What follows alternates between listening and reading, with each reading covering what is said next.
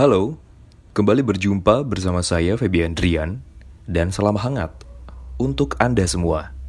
Senang sekali Deep Talk menjumpai Anda usai Idul Fitri di tahun 2020 dan juga pastinya masuk di hari kerja atau new normal yang penuh dengan perjuangan, kabar tidak mengenakan, serta tak berkesudahan, juga angka-angka statistik yang pastinya selalu membuat gelisah dan tidur tak pernah berbuah mimpi indah.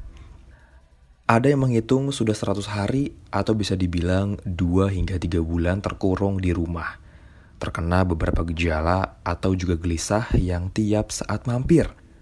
Ada yang menyebutnya cabin fever karena terlalu lama berada di dalam ruangan. Minim untuk bersosialisasi rindu akan keramaian dan pemandangan jalanan. Percayalah, umat manusia sekarang mendambakan hal tersebut. Manusia dihantui dengan banyak ketidakpastian tentang hari esok. Pasangan muda-mudi dihantui rasa curiga saat pria juga wanita tidak ada kabar sama sekali.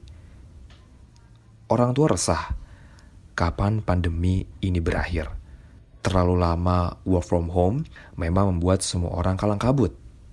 Tapi, banyak bekerja, waktu bersama keluarga tak pernah tersedia. Maka pilihan ada dan kita wajib memilih ingin dan seperti yang mana. Bukannya bersyukur untuk segera bekerja di Juni nanti.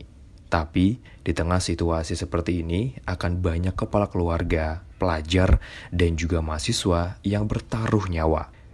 Dari rumah bersih-bersih saja.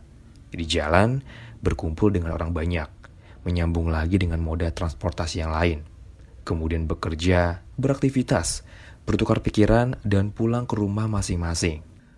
2020 mungkin bukan tahun yang buruk-buruk amat, atau mungkin kita saja yang harus lebih waspada dan lebih bersih lagi. Tidak ada tahun yang buruk. Yang ada hanya adaptasi, adaptasi, dan mencoba hidup sebaik-baiknya. Manusia adalah sebaik-baiknya mamalia yang bisa menyesuaikan dengan kondisi apa pun. Di beberapa jurnal atau juga nukilan berita yang saya baca, pelukan mungkin tidak akan pernah ada. Dan di beberapa cuplikan yang berita saya lihat pula, Jepang berhasil menekan laju COVID-19 dengan menerapkan hidup bersih. Mereka memang sudah sangat disiplin, sudah sangat bersih, jadi buat apa? Menunggu vaksin datang. Mungkin begitu pendapat beberapa ahli tentang Jepang. Jangan samakan Indonesia dengan negara mana pun. Jangan.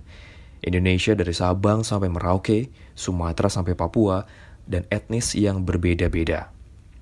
200 juta lebih kepala, ribuan suku, dan juga banyak bahasa yang tak bisa dipukul rata. Indonesia adalah ragam dalam sekam, berbeda dan tertawa, kepercayaan, dan kemakrifatan dalam segala pemakluman. Saya doakan Anda sehat-sehat selalu. Jadilah egois di pandemi ini. Karena pemerintah dan juga negara gagal hadir di tengah hiruk pikuk wabah seperti ini. Saya Febi Andrian. Sampai jumpa di Deep Talk berikutnya.